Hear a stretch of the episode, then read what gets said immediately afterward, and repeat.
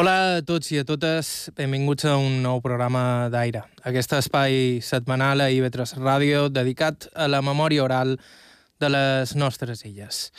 La setmana passada vam escoltar Via l'Esvert de Campou, la granja de Caragols a l'entrada de Falanits, que ens va parlar dels seus anys de pagès a Cabrera. Va ser el nostre primer contacte amb una illa el nom de la qual tothom coneix, però que per a molta gent és una completa desconeguda. De fet, jo mateix no sabria dir-vos quants anys fa que no trepig l'illa, probablement des de que era un nin petit i ara ja fa uns quants anys d'això. El cas és que el seu relat ens va despertar la curiositat i en part guiats per ella i en part per la casualitat vàrem acabar a prop de Calamàrmols per entrevistar en Tomeu Mas. A casa seva ens va rebre una orquestra de 14 cants raters. 14 i 3 de petits. De petit en diu. I són tots raters. Entrevessats. Treba... De cap aquí de mos. Ara? De cap aquí de mos. No. No. En Tomeu ha estat pescador tota la vida i ja jubilat dona una mà cuidant el Rafal d'Esports, una de les finques més extenses del terme municipal de Santanyí, a l'extrem més meridional de Mallorca. Ell viu just allà, ferrat, en un entorn privilegiat, una caseta modesta a un costat de la carretera que du al far del Cap Salines. No, aquí senten un gall i ja no sent res pur d'aquí. Un gall o què? Ara veureu, No ha ningú tot això de per aquí.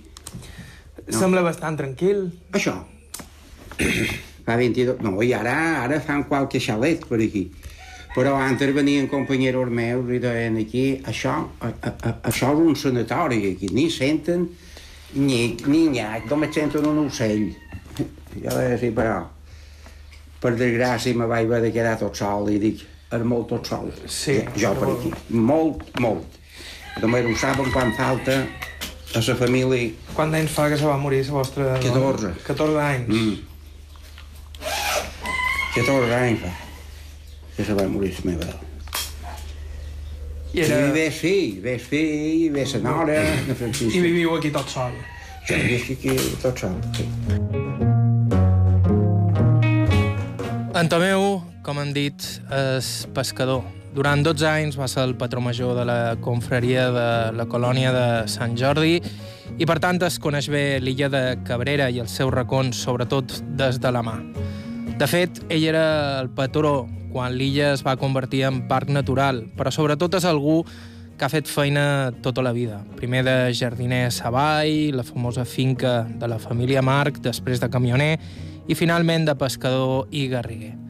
Totes elles feines lligades al seu redol de món, un territori d'unes quantes desenes de quilòmetres que compren el que separa Set Salines de la colònia de Sant Jordi i la colònia de Sant Jordi de Cabrera. Un redol que avui coneixerem a través dels seus records i la seva mirada.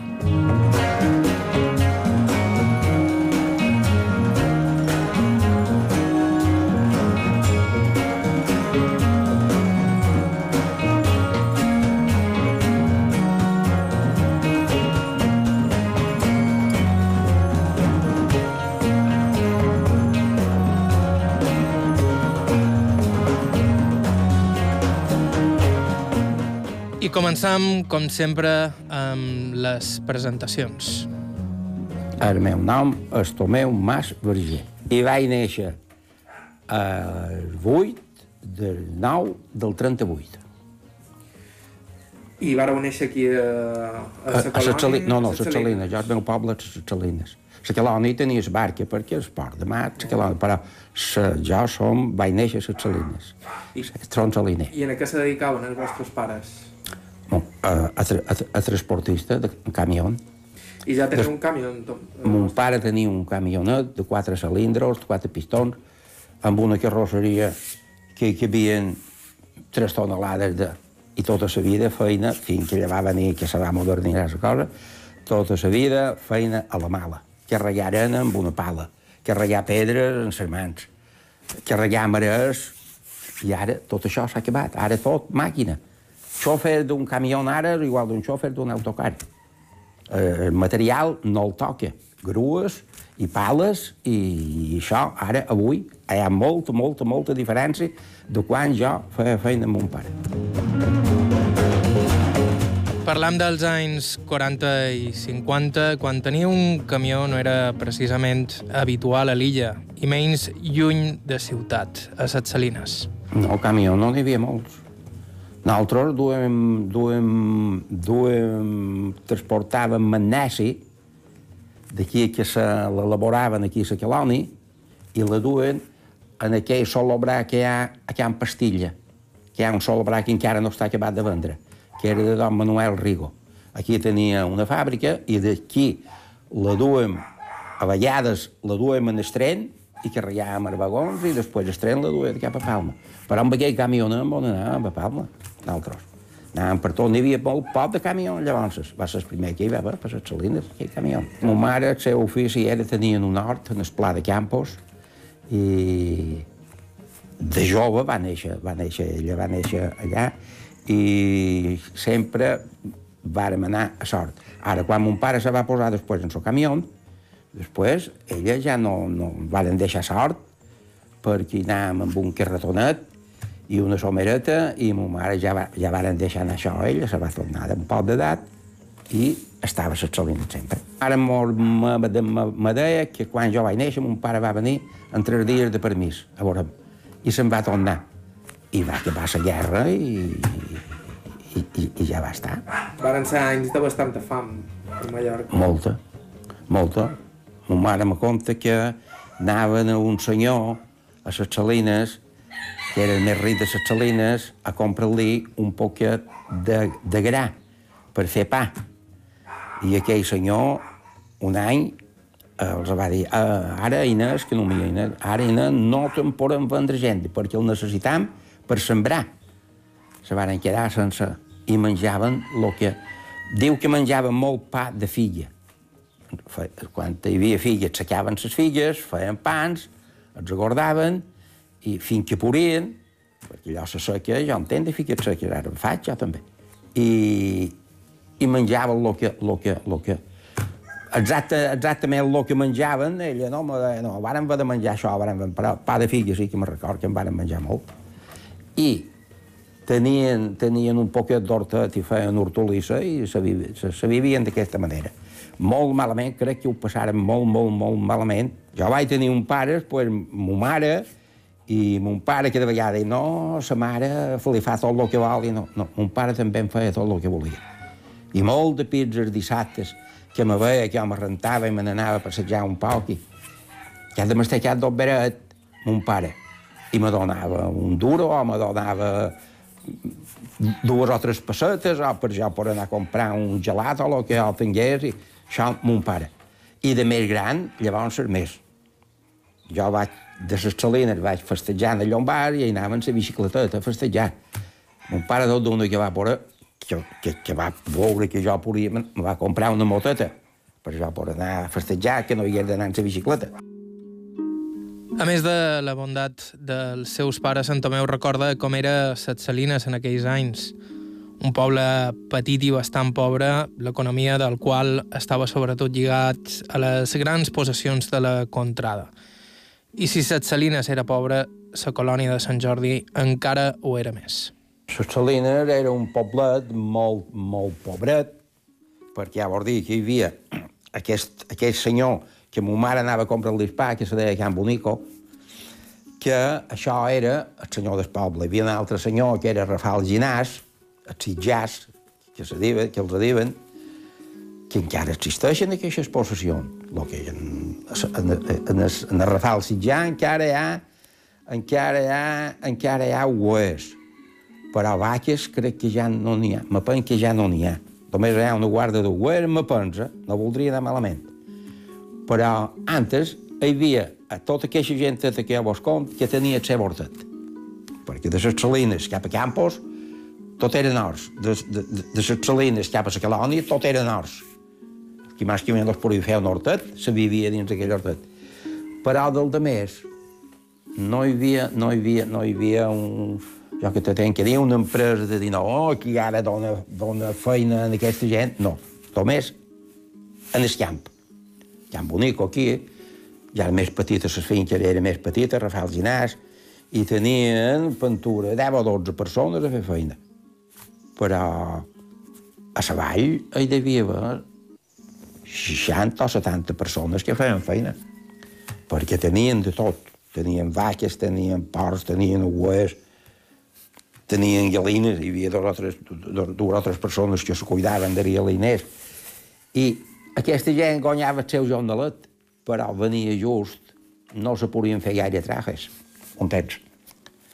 Perquè no és com ara, que ara hi ha unes grans vaqueries, llavors se van posar més vaqueries més grosses, la gent ja va anar. Però llavors se va posar la maquinari i un temps s'allaven el menjar amb una faus i els s'enduen damunt el coll cap a donar menjar a la vaca. Quan va venir un poc l'evolució de, de, de, de, de, de, de, del bumaqueix, un tractor, una munyidora per munyir, una màquina per entrar a menjar, i tot eren màquines i tot eren gastos, que varen fer llavors també, que el pagès va acabar molts enormes, perquè eh, se varen desbaratar que un temps, un temps ho feien tot a mans i a braços, i llavors va venir la maquinari i, i se varen haver d'endeutar i llavors no podien arribar en el cap mes. I per mort d'això, a les Salines era un poblet molt pobret, però tothom subsistia, com a tots els pobles de Mallorca. Uns se vivien d'una manera, els altres se vivien de, de l'altra. Per dir, I la colònia sí que devia ser molt diferent a com és ara. però molt. La colònia, ara la colònia, llavors si hi havia, hi havia 500 persones, ara la colònia n'hi ha, n'hi ha 2.000, entre moros i, i cristians i, i, i, i, i peruans i, i... Poble que hi deu haver... Més gran que hi ha més gent que les Salines. La colònia ara. I, i llavors devien ser quatre casetes... Quatre casetes, quatre casetes, moltes planta baixa, només, només, només baix, diguem, sol no tenien allà dalt, no tenien un pis sols. No.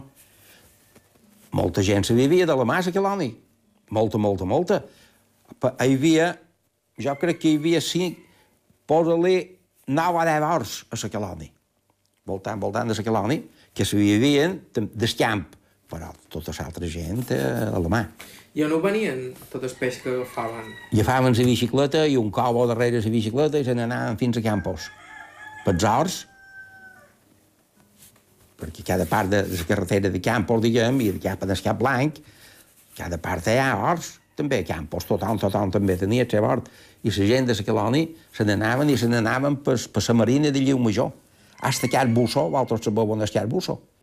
Pues fins a Car Busso, en la bicicleta, anaven aquesta gent de la colònia. Agafaven el peix a darrere, un cobo que duen a darrere i una sorrieta per davant i la bicicleteta i tiraven el peix.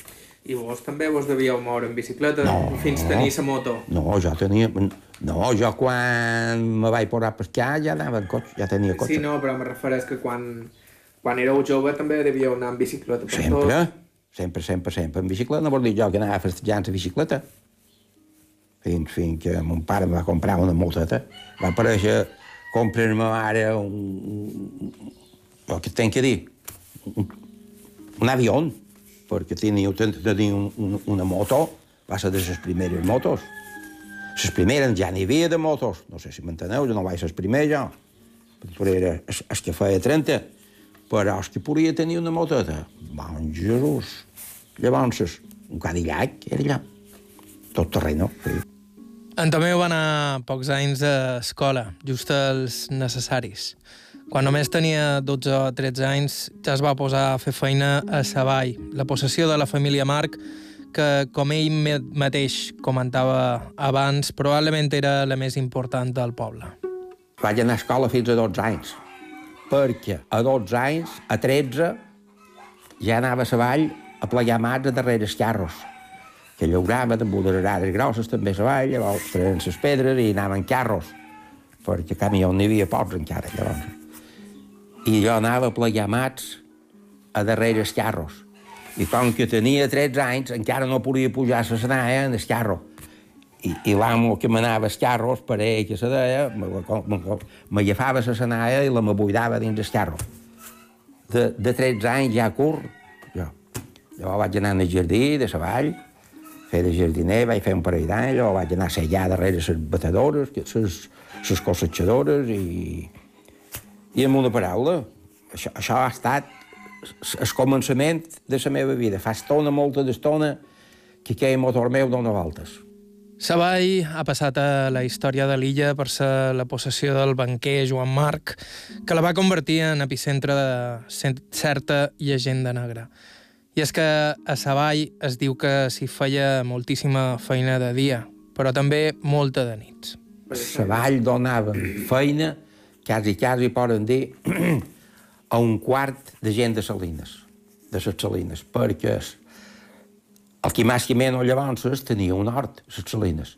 Hi havia molt d'horts, molts, i tenien dues vaquetes, en tenien tres, i se vivien de lo que replegaven a sort, i tenien un, un i tenien un xot, i, i s'hi vivien d'això. Però la vall va donar feina a molta de gent, a molta, molta, molta. Molta de gent que va fer feina a vall va fer la seva caseta. I n'hi havia molt d'aquells que ja vol dir que tenien el seu hortet i vivien perquè te feien hortolissa, i... però no podien fer cap casa nova. I a la vall hi havia altres coses a la vall també que els va ajudar. Que això també els va... aquesta zona també hi havia molt de contraband. Això també els va ajudar molt. Molt. En aquesta gent que feien feina a la vall. Perquè de, de dia feien feina en el camp i al vespre feien feina a lo de més. Que... Què feien? El que feien a la vall ho feien tot Mallorca, no era la vall total, m'enteneu? Però a, a la gent que els tenien llogada allà, eh, els, els, els tractaven els tractaven bé i els ajudaven en, lo, en tot el que podien, eh? a la vall. Que el man de mar de la vall varen ser o no varen deixar de ser, no ho sé. Això no ho sé el que varen ser, ni m'interessa. Eh, no, Però de la meva... Supos, supos que no els tractàveu directament molt sovint. A ells, a la vall, sí, sí, sí, sí. En els amos els... Eh... En els amos, els amos venien a veure mos, fer feina allà, sí. Cada dia l'amo hi havia un amo la, la, que, que no m'hi havia, l'amo en Biel, aquell amo, molt de dies, molt de dies, passava per la gent que feia feina, sí. I els senyors, però, els veieu? Els senyors no tant perquè no eren per aquí, molt senyors eren més per Madrid i eren més... Fora, l'estiu sí, l'estiu sí que eren per aquí, i també, i els veien, i... però no, el senyor no tant, el senyor d'anar conversant tu, allò... no, el senyor no. Si havies de mestir una cosa o l'altra, el deies a l'amo i l'amo el deien al senyor i, i t'ajudaven en el que podien, però no. Tenia un contacte amb el senyor, no. L'amo sí. L'amo va ser un home, l'amo Biel, que, que, que, que serà. I com que després les coses van anar evolucionant i, i hi havia molta gent llavors que no va deixar anar sort i no tenia feina i, i a la vall ja se van posar llavors a ser un poc més estrictes en la gent. En vez de guanyar el que tocava guanyar, anaven, com el que fan molts empresaris, anaven a, a escatimar, que se diu, tot el que podies i si volies en menjaves i si no en volies te n'anaves a un altre puesto. Però, vaja, va durar una època, va durar una època que la vall va dar pa a molta de gent. A més de Savall i el contraband, a les Salines i la colònia hi havia altres recursos. Un dels més importants, la pesca, que seria l'ofici de Tomeu Mas. D'aquí uns segons ens explica com va decidir pujar-se a la barca i ens acostam, ja toca, un poc més a Cabrera. Fem una petita pausa i continuem.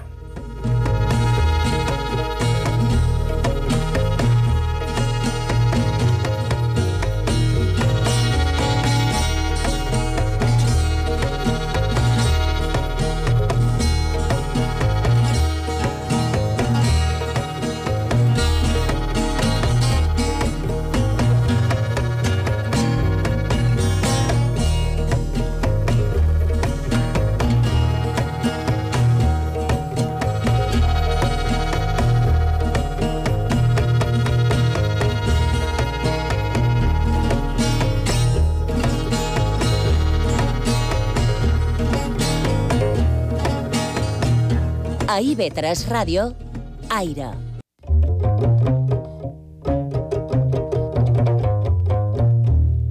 A IB3 Ràdio, Aire, amb Joan Cabot.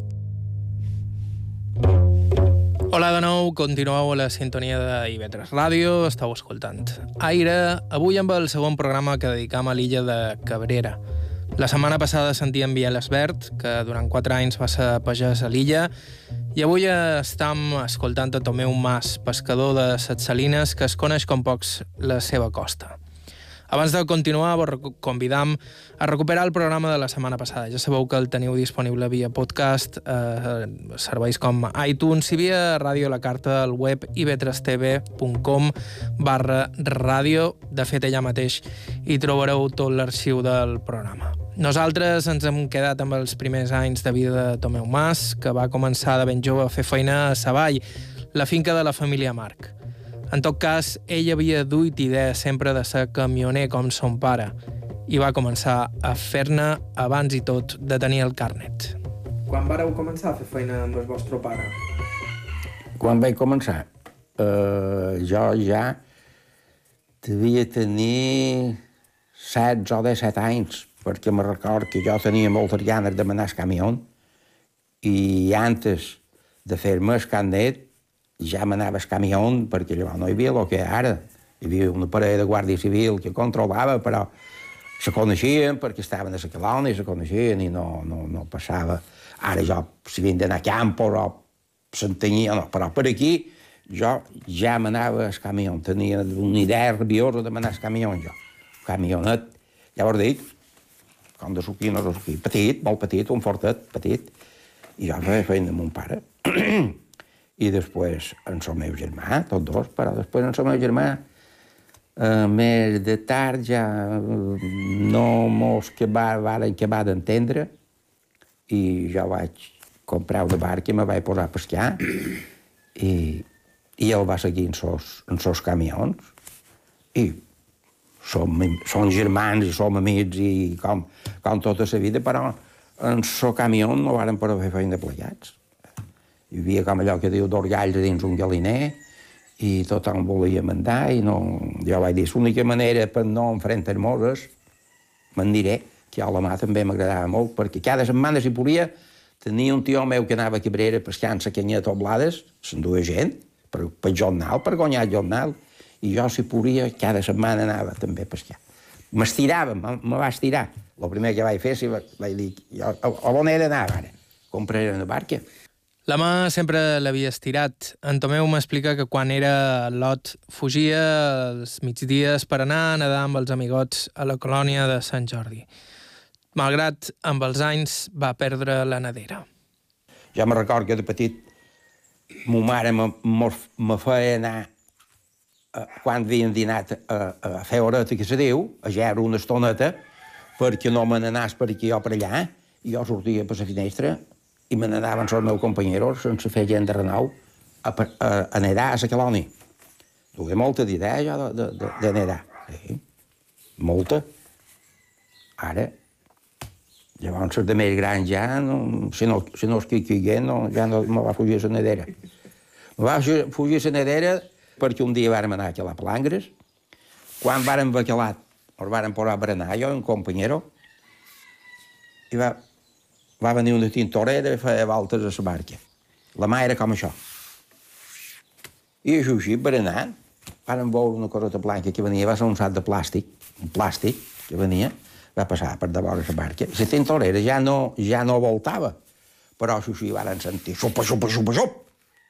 La tintorera només li varen veure la cova. Se'n va dur sac de plàstic per avall, no es caigui res dins el sac de plàstic, però el se'n va dur. I d'aquell dia quan havien acabat de llevar les xarxes en el fort de Moreu, jo em tirava la mà per fer-me net, perquè hi ha molt de fang a dins d'aquesta pedra, i miquetes, i, i allò, arran de la barca, i em tirava la mà i tornava a sortir a quedar. Però el dia que aquell peix se'n va dur de plàstic, ja no me vaig tirar per a la mà. Puf! No, la tintorera... N'he vist molt de pit anant a Cabrera. De bou, li veus salaró i, i que n'eren molt poc, i així però no he sentit jo que se n'ha menjat cap mai de persona, la tintorera. Però no, he, no ho vaig voler saber per mai, no vaig anar a pus. Parlar dels anys de pescador Cabrera amb en Tomeu es parlar de la gran quantitat de peix que es capturava a l'illa. Encara ara se li encén alguna cosa a la mirada quan em recita les castes de peixos que capturaven aquells anys. Sirvis, espets, dèntols, enfossos. Tota aquesta casta de peix està així, Cabrera. Així, perquè llavors n'hi havia molt, molt, molt, molt, i de fer ara, més que a les barques professionals, jo no sé si són sis, ara no sé el cupo que hi poden anar cada setmana. Només n'hi van sis cada setmana. Hi ha molt de peix. Peix de xarxa no, eh? Peix de xarxa està bastant perquè un temps nosaltres pescàvem en 15 xarxes i ara el que més que menys du 60 o 70 o 80 xarxes. I aquí bon, ja vol dir que no es reserva, que poden pescar, pues, avui un lleva les xarxes, sobre baixa n'hi cal un altre, perquè en la xerxada que duen aquestes barques cada dia volten cabrera. Si no fos que hi ha mal temps només poden anar per darrere Vull dir jo, el peix de refereix més que res a palangre. Hi ha molt de peix. Molt, molt.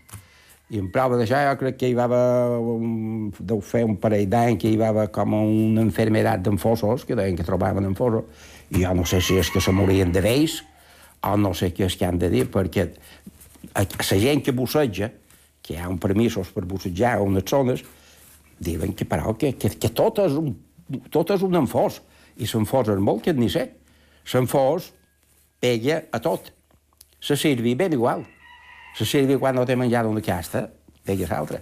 Jo que pescava d'ormetjors grossos, humadraves, morunes, saltes, jo he agafat sirvis en la humadrava, que feien 30 quilos, això eren les més grosses. L'he agafades que duen una escorpra, quan li llevava la bunza, una escorpra dins la bunza. Figura-ho vos, una escorpra.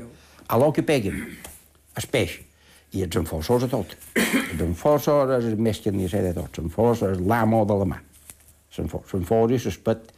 Però els espets n'hi ha borrades també. Sí, n'hi ha molts. Despet, bon. I la sirvi, si se pogués veure, ara així amb una càmera, amb altres, si se pogués veure el que ha de servir, jo quan pescava, en la humadrava, una humadrava, no una moruna, la moruna llevar molt de pell també, però en la humadrava varen, vaig pesar 2.700 quilos de peix. Ahir, vàrem anar tres dies a cercar peix. Estava tancat, el vaig tancar quan el vàrem agafat, i després un dia va venir corrent, sort més se'n van anar al fons i totes me varen fugir. Hi havia més de 5 tonelades de peix. De sirvi. Figura't tu lo que, va, lo, que, lo que va fugir. Això és un peix que va amb barbars. I com, eh, com ho fèieu en Salmadrava? La deixàveu allà plantada? Sí, molt de Salmadrava, temps? Salmadrava estava dos mesos en el mateix puesto, i la moruna més. I, és- i, I ho fèieu per sorteig, com se fa a Sorteig, per sorteig, per sorteig. Amb això mos enganaren també, que jo me vaig haver de discutir amb companyeros meus, quan se va fundar el parc, varen dir, aquí només pot venir la gent que ha pescat a Cabrera amb ormejos grossos, mm, aquesta gent pot venir amb un sorteig, però no se'n poden afegir pus. Claro, veien que jo agafava peix, entès? i companyeros meus de la colònia me demanaren per calar un ormeig, també així. I jo vaig dir, havent de demanar a la direcció, que era un tal Jordi Moreno, antes que era el director del parc de Cabrera. Han d'anar a la direcció perquè les ordres que jo tenen són que els que han anats poden pescar. Els punts que hi ha els poden pescar, més els que m'hauran llevats, perquè em varen llevar de punt bons d'aquesta casta d'orme i gros, un desastre em varen llevar. Molts, punts molt bons que agafaven molt de peix. Però, llavors, què varen fer? Que hi va anar escar, i hi va anar moix, i hi va anar qui volia. Llavors, tenint, tenint la llicència de poder anar a Cabrera, no hi podia anar. I, I no hi ha furtius que vagin a Cabrera? Sí, molts. Però n'hi deu haver... Jo no m'inter- jo no m'interessa ara a dir... Ni, però No, no. tota la vida n'hi ha hagut i n'hi haurà. Què hi ha? La Guàrdia Civil, hi ha els forestals, els, guardes de Cabrera que és, hi ha aquesta gent. Però encara hi van fortir. No és que m'ho pensi, sé cert. Com hem explicat abans, en Tomeu va pescar a Cabrera tota la vida.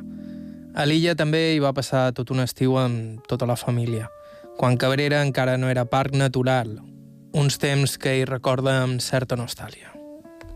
Bueno, la, la, la moruna és la pesca més guapa que hi ha, perquè la moruna té un sac, diguem, per dir-ho, un sac. És un quadre que té, com això.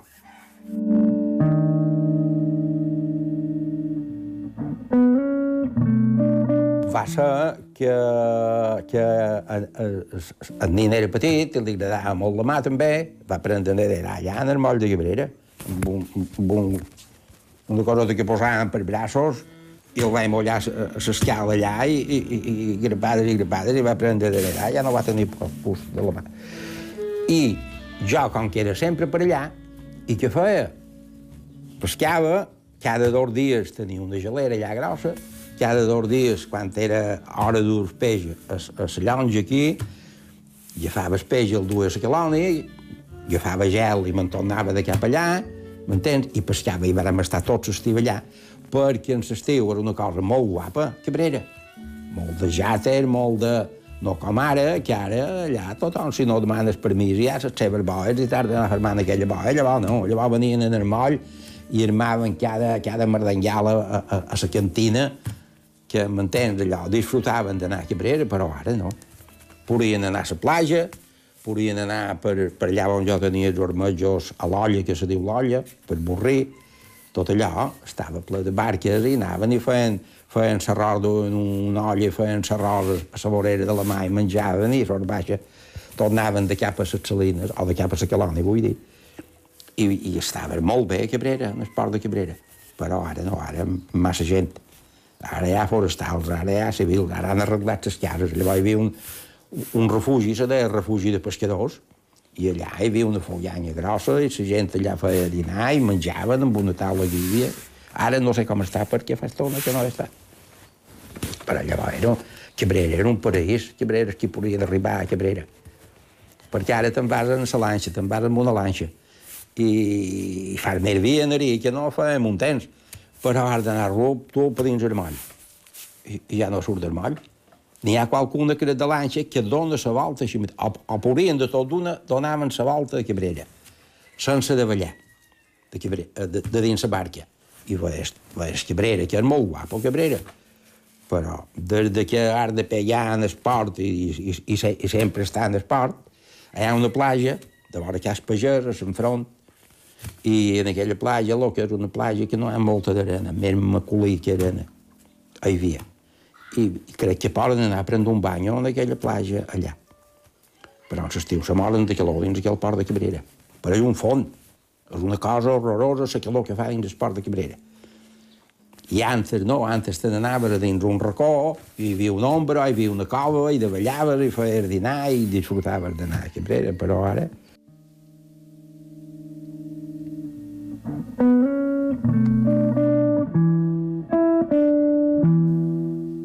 Ara les, illa, les visites a Cabrera estan regulades i fins i tot en temporada alta limitadíssimes, el que ha preservat l'illa com un dels nostres grans tresors naturals i, a més, l'illa deshabitada més gran del Mediterrani.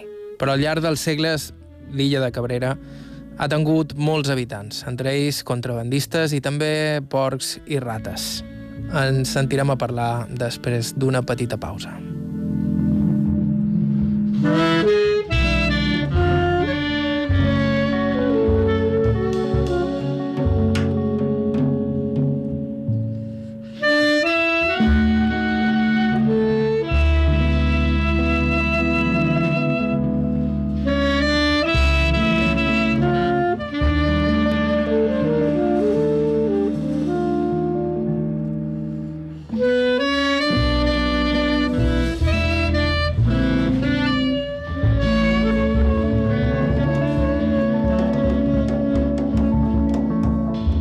A IB3 Ràdio, Aire, amb Joan Cabot. Aire, Joan Cabot. IB3 Ràdio.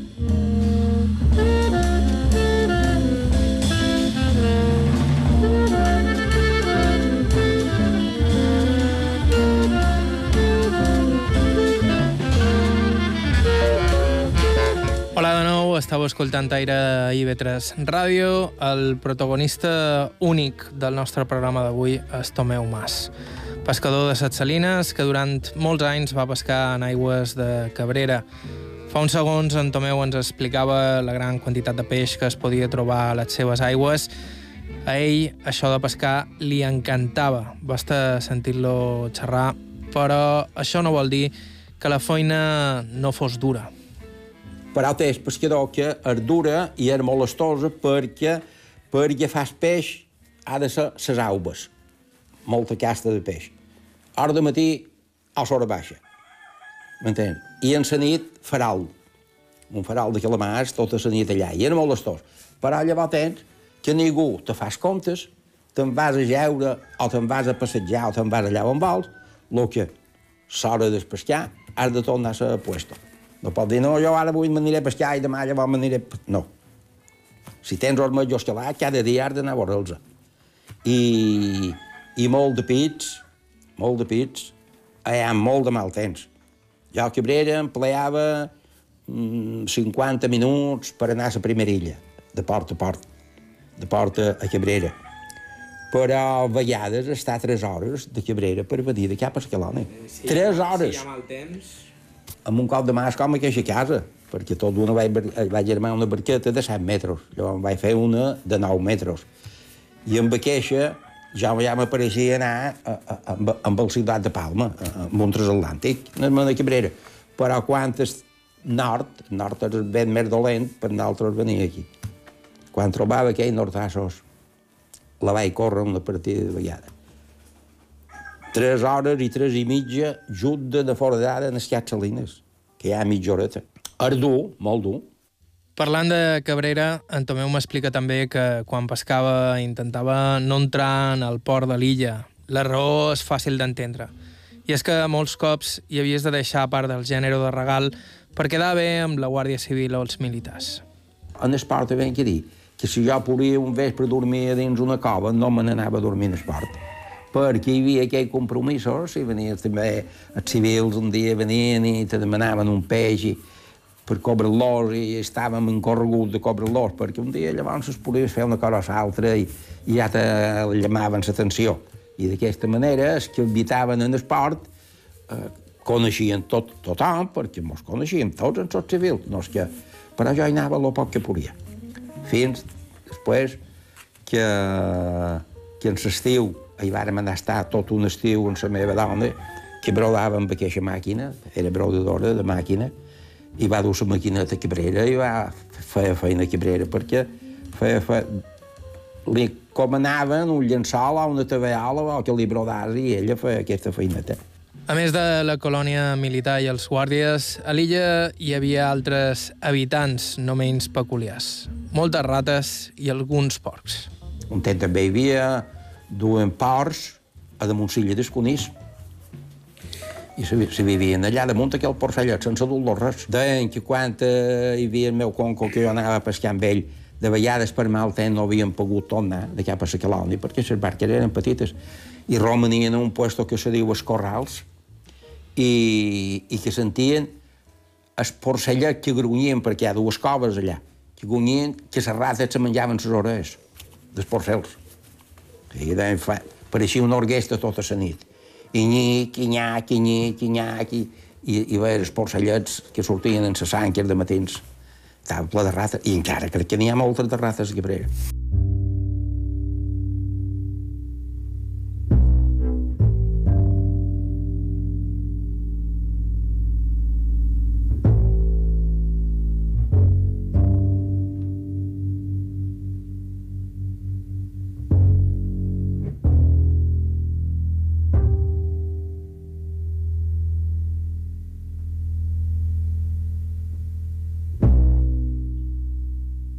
La setmana passada ja en xerràvem amb Biel Esbert i amb Tomeu Mas en tornem a conversar. La llegenda diu que Cabrera també era utilitzada pels vaixells contrabandistes i que a l'illa no són pocs els amagatalls on s'estotjava gènere, però, segons en Tomeu, més que Cabrera era a la costa entre Set Salines i Cala Ratjada, on es descarregava molt habitualment. De fet, ell mateix va participar-hi un parell d'anys fent viatges en la seva barca. No, a Cabrera no n'hi ha molt, molt, molt. Eh? No, no. no. Cabrera hi ha secret, però no hi ha molt de puestos de secrets a Cabrera no n'hi ha molts. Allà on n'hi ha molts, molts. Els d'escat Salines, cap a, cap a Artàdia, en fi, fins, fins a Cala Ratjada, tota aquesta costa d'aquí, aquí n'hi ha molts. Molts, però. Sí. Bé, supos que aquells anys molta gent va tirar endavant gràcies a això. Hombre, aquesta, uh, uh, aquí eh, els contrabandos que feien, que feien molt de cèntims era, diguem, es, es, es, el mandamàs, perquè hi havia, hi havia, hi havia la gent que comprava, eh, eh, diguem, el contrabando, que aquesta gent feia dos bes, molts. Però també perquè enganaven les persones. Jo hi vaig anar un poquet, també, a descarregar, en la barca. I jo hauria guanyat dos milions de pessetes. Però mos deien, si el que vos hem de donar ho voleu posar damunt, damunt, damunt, damunt el gènere, cada dia tindreu més. Quan trobaven que era hora de pagar-nos una clotellada, feien agafar 50 bultos, un- una minoria, venien els civils i agafaven allò, i llavors aquell que mandaven mos deien ara mos ha anat malament, mos ho han pres tot, no ha quedat res. Vinga, un altre pic, començar de bel nou. I la vegada que va fer dues, que mos agafaven, vaig dir, és que ja no vull venir pus. Jo ho vaig deixar anar, no hi vaig anar pus, perquè mos varen en dos pits se'n va anar. Jo no vaig cobrar res, mai. Vaig fer feina dos anys i no vaig cobrar res. I era una feina do, molt, molt dolenta, que això. Eh? Clar, perquè ho havíeu de fer de vespre. Si hi havia mal temps, la barca pegava en sonars per les penyes, perquè jo, la fosca, sempre feies feina en la fosca. I una feina molt delicada, molt, molt, molt, molt. Havia d'anar molt alerta. Què fèieu? Anàveu cercant un vaixell El barco venia arran de la vorera, i, de, i només fèieu viatges del barco de cap del barco en terra. Se penya. El barco se penya. Ja hi havia una guarda d'homes en terra, i pujaven, un se donaven un a l'altre. Sí, perquè també no triaven llocs fàcils moltes vegades per descarregar. O No, sigui, quasi sempre en els mateixos puestos. Quasi sempre en els mateixos puestos. Però de vegades hi havia mal temps per davallar. I el barco, com que venia de Grècia, quan sortia s'aturava a Barcelona i descarregava la meitat per pobles de Barcelona i llavors venia de cap aquí. I aquí s'aturava a la Ratjada i s'aturava a Porto Cristo i, i, i anava deixant. I el darrer puesto, Erbissa. Se n'anava fins a Erbissa. I aquí venia fins a la vorera. I teniu idea de, de lo que havíeu descarregat? Solia, solia que ser cafè o tabac de pota? No, no, no. Nosaltres només, jo ja només vaig descarregar tabac. Tabac. Perquè antes, antes, que hi anava... El meu germà hi va anar també a descarregar per la colònia, en el camió, llavors ho traginava, però darrerament jo ja només era tabac i, i els bultos pesaven 20 quilos. I antes hi havia sac de pastilles, que feien llavors cigarro amb una pastilla, que feien 80 quilos. Cafè, també. Estaven forts, Sí. perquè venien a pujar les penyes amb... Pujar les penyes i de les penyes els homes aquells que feien feina a la vorera el du, havien de dur una llombàs i el duen a les salines. De la vorera de la mà. S'havien de posar un sac que feien 70 o 80 quilos de munt el coll i en la nit sense vorell, perquè sabien bé el camí ja per on havien d'anar. Però no era, no era fàcil, això. La vall varen fer aquells, aquells, aquells, tothom va fer la seva caseta, perquè llavors que guanyaven en la nit feien dues vegades més de feina en la nit, que no feien de dia en el camp, perquè també a la vall descarregaven a la vorera i llavors duen per dins la vall, que estava ple de secrets també, per tot, estava brodat de clots, se deien secrets. I l'enterraven d'allà, llavors els cotxos, al vespre, cap a Palma. Però jo dels pits que jo vaig descarregar no varen venir mai, civil. Més que un pic va venir l'arrendatari, la barca. I va agafar el meu companyero. Jo me vaig salvar per, per, perquè ell va prendre cap a Santanyí i jo vaig prendre cap a Sacaloni. I justament va endur la mala sort d'anar-se'n darrere aquell. I jo vaig poder arribar a Sacaloni. Vaig descarregar a damunt una illa que hi ha, el que duia, i me'n vaig anar al port. I jo, quan vàrem fermar la barca, la Guàrdia Civil va venir, però ja no estàvem allà, no m'ho vàrem veure. Però jo només era aquell pic que agafàs en una barca aquí.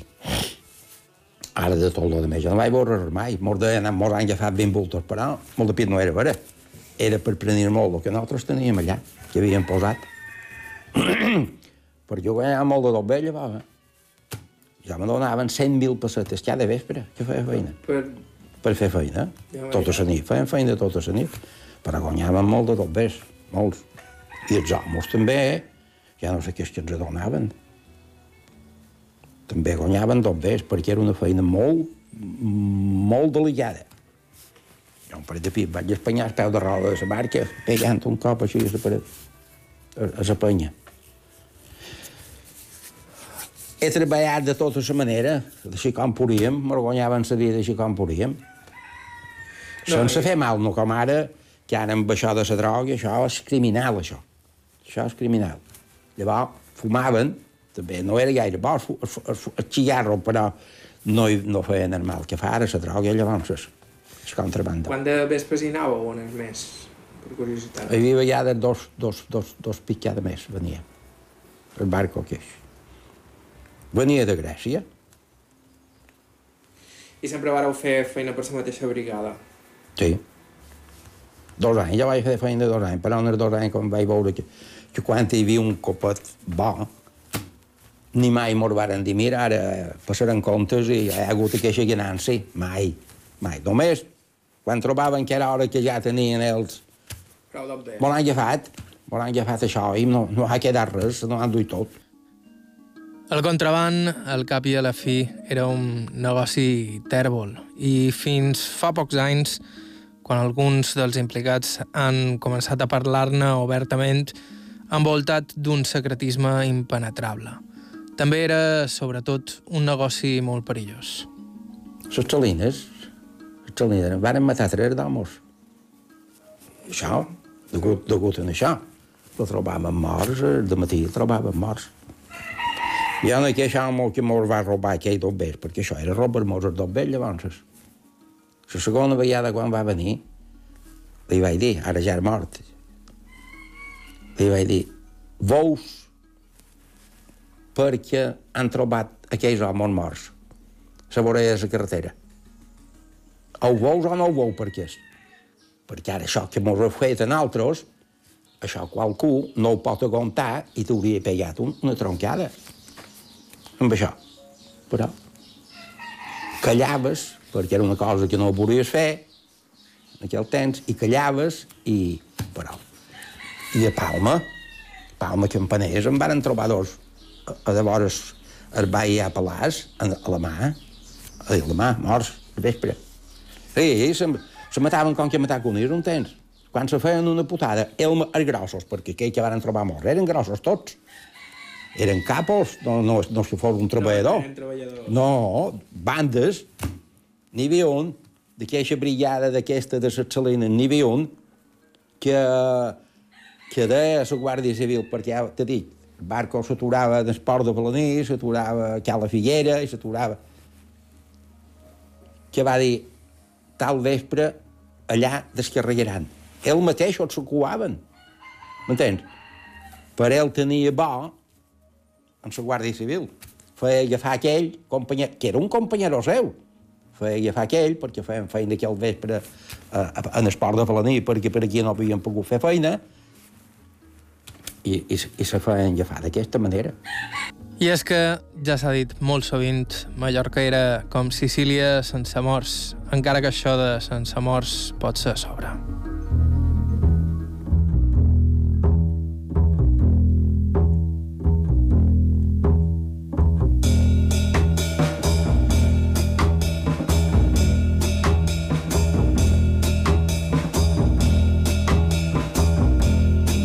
La setmana que ve continuarem voltant per Cabrera i per la colònia de Sant Jordi. Vos hi esperam. Nosaltres ho deixam aquí per avui. Milions de gràcies a Tomeu Mas pel seu temps i la seva amabilitat i per aquelles delicioses figues seques que ens va regalar quan partíem.